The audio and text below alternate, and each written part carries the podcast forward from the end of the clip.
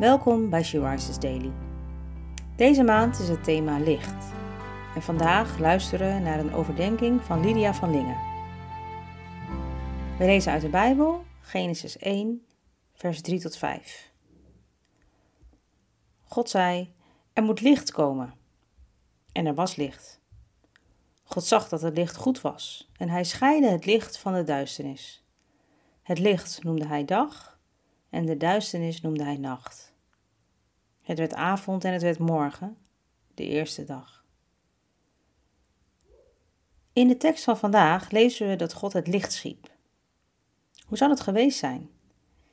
Eerst was het letterlijk aardedonker. En zou het licht er ineens geweest zijn? Als een lamp die je aandoet in een donkere kamer? Of zou het geleidelijk zijn gegaan?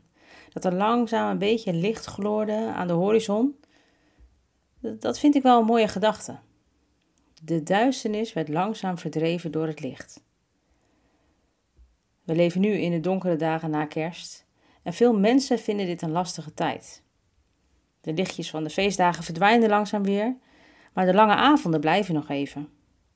Wat is het dan fijn dat in de vroege ochtend het licht weer gloort aan de horizon en de dag weer begint.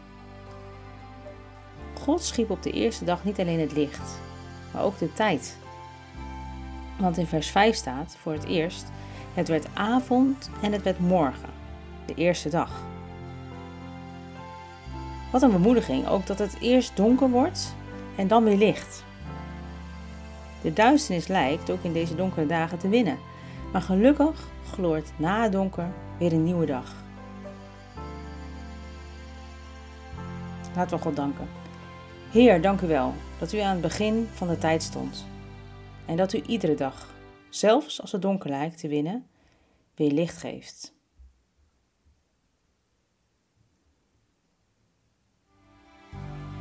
Je luisterde naar een podcast van She Rises. She Rises is een platform dat vrouwen wil bemoedigen en inspireren in hun relatie met God. We zijn ervan overtuigd dat het Gods verlangen is dat alle vrouwen over de hele wereld Hem leren kennen. Kijk op www.she-rises.nl voor meer informatie.